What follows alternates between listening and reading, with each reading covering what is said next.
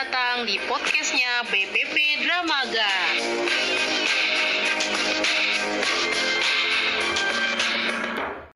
Assalamualaikum warahmatullahi wabarakatuh. Jumpa lagi dengan podcastnya BPP Dramaga.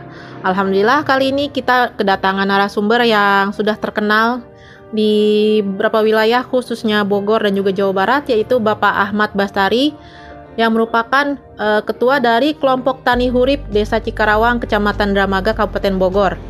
Nah, Pak Ahmad Bastari uh, berkesempatan untuk berbagi ilmunya kisah suksesnya dalam membudidaya ubi jalar. Nah, lanjut aja uh, sekarang langsung aja ya ke Pak Ahmad. Pak Ahmad kenalin diri dulu ya sebelum langsung ke ubi jalar. Silakan Pak. Ya, terima kasih. Assalamualaikum warahmatullahi wabarakatuh. Menalkan diri saya Pak Ahmad Bastari, Ketua Kelompok Tani Hurip Desa Cikarawang, Kecamatan Remaga, Kabupaten Bogor. Kami sebelum budidaya dulu seorang pedagang di Pasar Induk Keramat Jati yaitu satu hari saya dagang ubi waktu keluar SMA ya. Ah, SMA tuh Pak ya, mulai SMA usaha sudah ya? mulai usaha. Mantap. Itu tahun 8485 sudah usaha. Satu hari bukan saya sombongi, Mm-mm. hampir 15 ton. Satu hari tuh Pak. Satu hari. Ubi, ubi jalar. Ubi jalar toh. Saya megang ubi jalar itu daerah Wetan. Wetan itu Jawa ya. Wih mantap. Solo, Magetan, Ambarawa, Kuningan, Sukabumi, semua tiga pulau Jawa ini saya pegang. Alhamdulillah, saya dapat kepercayaan sama pedagang-pedagang dari Wetan. Alhamdulillah, alhamdulillah juga ya. Saya sudah punya kemitraan sama perusahaan saus. Itu masih SMA tuh. Masing keluar SMA saya Masih udah, muda ya. udah, sudah bu. Mantap. Alhamdulillah. Saya itu udah megang perusahaan yang raksasa saya pegang nama saya itu besar ya. Waktu dulu zaman Pak Harto maaf ya, bukan kita ini zaman dulu saya udah keluar, zaman di dagang saya. Saya itu dagang punya kemitraan hampir lima perusahaan yang seperti yang cabai gunung, cap mangkok, cap topi, dap payung dan sekarang ada dua apa saus yang sekarang jempol. Oh, yang sekarang ya. Sekarang, sekarang jempol, sari alam, dua belibis, hand hand yang sekarang di sini. Ya, waktu dulu kami ini sebenarnya sebelum punya kios, sing ngontrak dulu bu, kontrak dulu. ngontrak dulu saya sejarah ngontrak ngontrak itu zaman dulu saya ngontrak 350.000 ribu satu bulan zaman dulu 19 sekian gitu. ya tahun 90-an dah Oh, 90-an. Oh, bulan-bulan. dikit-dikit saya nabung saya beli kios satu nomor satu nomor saya alhamdulillah diajari saya kerjasama maksudnya gini ya orang pemerintahan waktu dulu dari PD Pasar Jaya kerjasama dulu bu hmm. uang 50, 60 juta itu besar bu zaman dulu Uh, iya, banget satu berapa kecamatan di Ambarawa saya stok tidak boleh keluar bahan baku saya dikasih keuntungan kerjasama itu bu. Alhamdulillah sama lama-lama saya beli kios dikit-dikit. Satu nomor dua nomor. Saya diajari sama orang-orang Chinese cara gini Pak Ahmad kamu beli kios satu. Itu. Hmm. caranya nih nggak pakai uang nggak keluar lagi. Masukkan ke bank. Oh. baik nama gitu bu. Ah, ah. Oh, maksudnya Oh, si, Ki- eh, nomor suratnya kios. itu Ah. kiosnya satu nomor Hmm. Se- dalam arti diborahkan atau di di apa ya Sekolahin, sekolahin Nah. itu keluar uang kan Ah. saya beli lagi dua nomor Oh. keluarkan 50 juta besar bu Oh. saya beli Jadi lagi dua kios sekarang. dulu per satu itu beli dua Sekarang dua dua. Oh. Lebih kali. sekarang udah ada empat kios saya itu sekarang sekarang ini maaf ya bukan kita sombongi saya bank DKI itu dinawarkan nawarkan itu saya pinjaman saya sering minjam uang bank DKI dulu sebelum Bogor ya. Ini sebelum saya belum dari 94 94 pertanian saya. Itu di sekarang ditawarkan 500 juta. Saya uang untuk apa saya bilang besar besar? Bang paling 100 juta.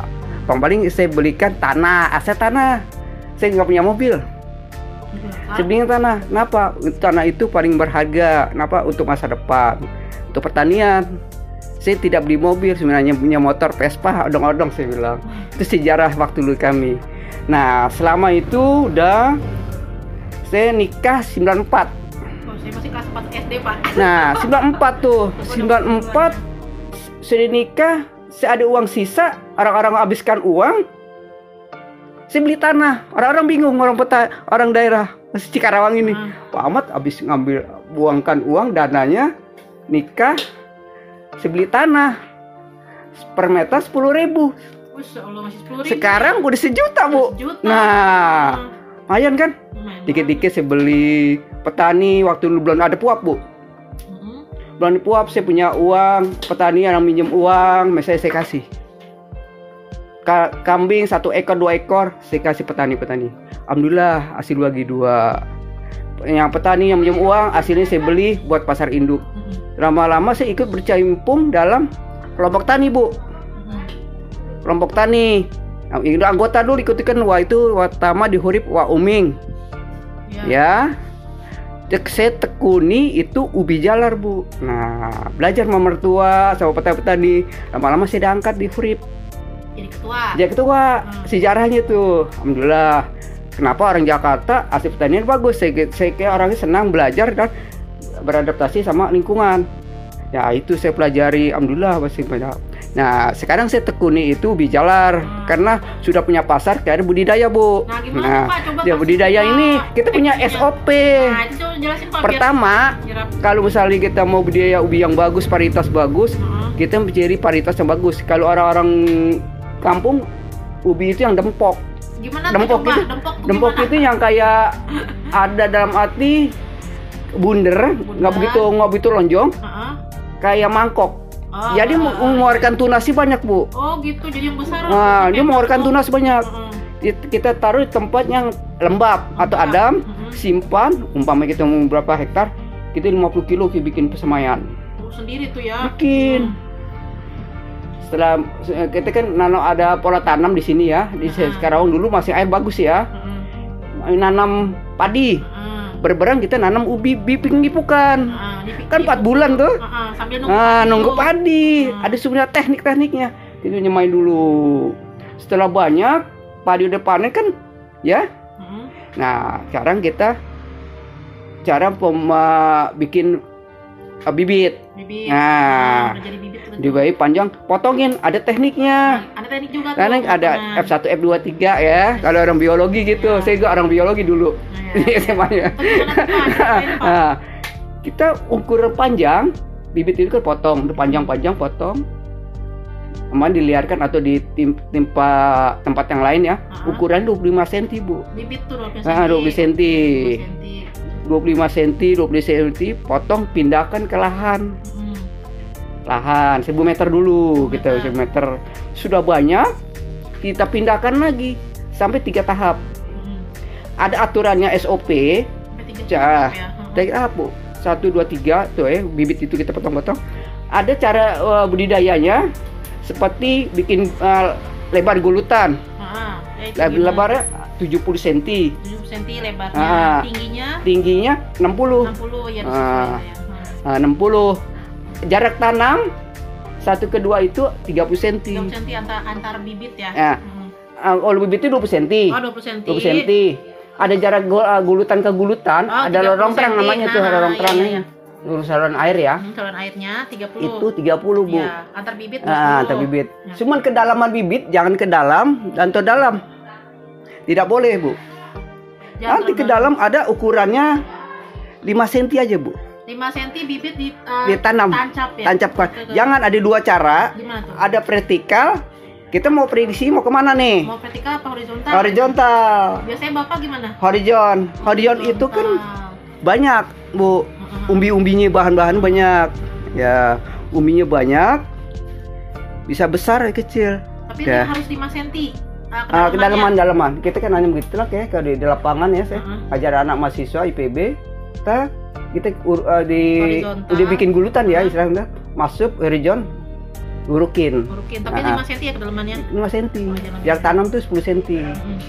ya setelah itu umur udah selesai udah tanam Hmm. Ya kita ada bongkar bongkar pasang nama bu Oh, kalau di sini sebutnya bongkar pasang. bongkar pasang itu misalnya udah gulutan udah selesai Hmm. bongkar pasang ini tujuannya kenapa untuk gemburkan tanah Oh, sambil gemurin tanah. gemburkan tanah ambilkan eh, gulma-gulma setelah itu um- umur 4 minggu ya. Oh, setelah 4 minggu 4 dari yang minggu tadi ya, kita Pak? habis tanam Hmm, nol ya. 4 minggu ngambil sebulan kita bongkar kiri kanan tujuannya untuk matahari masuk mengambilkan gulma dan memberikan satu pupuk kandang. Pupuk kandang. nah pupuk kandang ini saya punya ternak. Domba bu.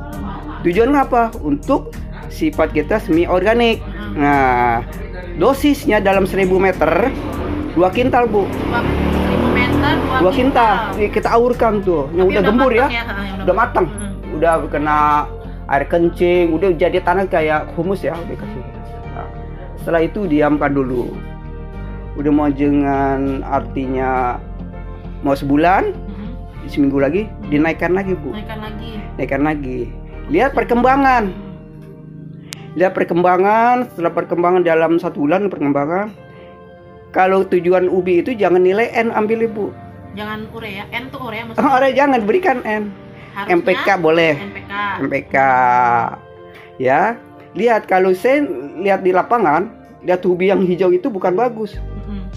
Malah ke daun ya. daun kalau saya lihat ubi seperti pohon pisang Jadi yang baru nongol pohon pisang kan ah, ah, ah. agak-agak layu-layu ya muda- nggak muda, muda ya. ya.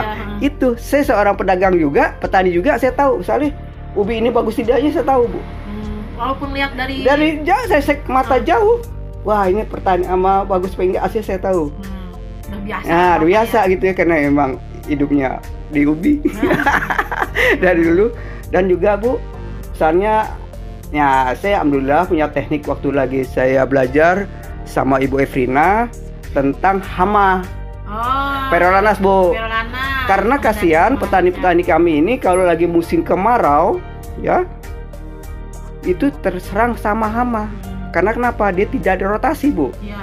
ada suatu ya. teknik-tekniknya teknik-tekniknya itu saya budidaya tidak misalnya tidak serang sama hama sebenarnya itu rotasi Mm-mm. Karena karena tidak ada air kita pakai ferolanas bu Ah. Ah, alhamdulillah untuk menekan kelanasan itu bu Iya. Alhamdulillah masyarakat kami ini sudah memakai sampai keluar Pulau Jawa.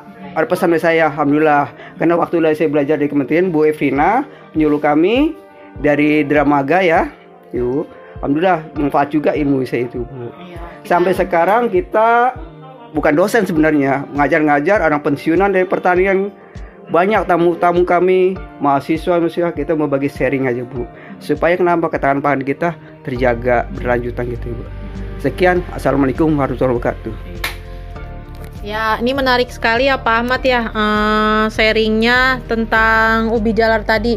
Jadi eh, kalau misalnya sebelum ditutup nih ya, eh, kalau buat petani ubi nih titik kritis atau misalnya saran Bapak supaya ubinya berhasil tuh apa Pak? Saat budidaya ya?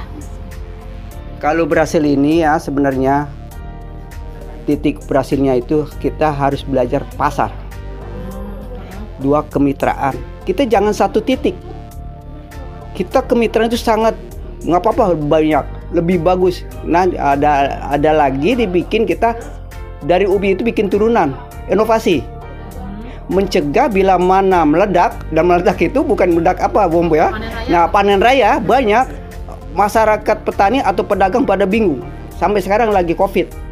Alhamdulillah di Cikarawang masing punya kemitraan, punya pasar. Yang lain-lain kasihan bu. Ya intinya itu seperti eh, pasar ya. Ada juga kalau saya eh, bukan ngajar ya, saya bilang PKSJ. Apa ya PKSJ itu? Nah, seorang sumber daya manusia ini jiwanya yang punya PKSJ, bukan partai ya. Apa itu Pak? Nah, itu pendidikan Bu zaman sekarang, Bu. Nah, keterampilan. Nah, terampil itu dalam arti ubi gimana cara ini ya? Ya. belajar terus. Belajar terus, terampil. Misalnya kena serang hama ini supaya bagus gimana? Itu terampil. Ada lagi untuk skill, kemampuan kita menuju mau arah ke mana, Bu? Yang tidak lagi itu ada jujur manusia, Bu. Ah, Insya Allah doa pada Allah. Itu dia kuncinya. PKSJ. Aja. Hmm. Kalau udah kemitraan kita K3J. Ya, Apalagi gitu. Continue, kualitas, kualitas. Itu jadi jujur. Manusia Oh, jujur akan dicari. ya. Itu nanti manusia jujur. Saya udah kemitraan sama perusahaan masih lalu SMA tahun 8586 sampai sekarang perusahaan saus itu masih berlanjut. Ada perusahaan baru lagi diminta misalnya. Orang-orang udah pada tumbang-tumbang. Karena kenapa? tidak memakai K3J, PKSJ. Ya gitu Bu. Itu sih prinsip yang lupa sih kita doa orang tua. Semua itu doa orang tua yang paling manjur, bukan kiai, bukan apa. Orang tua. Alhamdulillah kami ini sama orang tua, alhamdulillah ya, ya baik, semua baik. Doa. Saya dulu di dunia ini tidak punya apa-apa karena alhamdulillah kedua orang tua punya maaf ya. Yang mati saya punya sedikit-sedikit tanah. Kuliah anak saya sekarang udah sampai mau S2. Alhamdulillah. Karena berkat kita kita memberikan suatu ilmu yang manfaat. Gitu, Bu. Oke, terima kasih Pak Ahmad atas waktunya. Ini menarik banget. Ada PKSD, ada K3J. Ya, itu eh, buat para kita sobat tani dan juga para penyuluh yang mendengar. Semoga menjadi terinspirasi untuk melakukan budidaya ubi Ubi jalar. dan juga eh, usahanya. Baik, terima kasih kepada Pak Ahmad eh, atas waktunya ya. Eh, semoga makin sukses, Amin. sehat selalu untuk Bapak dan keluarga. Ya, wassalamualaikum warahmatullahi wabarakatuh. Waalaikumsalam. Demikianlah tadi wawancara kami bersama dengan Pak Ahmad Bestari, Ketua Kelompok Tani Hurip, Desa Cikarawang. Apabila ingin bersilaturahim langsung dengan beliau, dapat mengunjungi Gapoktat Mandiri Jaya, Desa Cikarawang. Silakan deh searching di Google, ada kok eh, Gapoktat Mandiri Jaya lengkap dengan alamatnya dan juga sudah tercantum di Google Maps. Oke, dan kalau memang ingin kontak langsung ke beliau juga bisa di nomor 0817 181272. Ya, barangkali mau langsung silaturahim dan beliau langsung ke Desa Cikarawang, silahkan kontak atau mengunjungi Gapoktat Mandiri Jaya. Baik, sekian dulu podcast dari kami BPP Dramaga. Jangan lupa follow Instagram kami di @bppdramaga dan juga Facebook di BPP Dramaga. Sampai jumpa lagi pada episode berikutnya. Wassalamualaikum warahmatullahi wabarakatuh.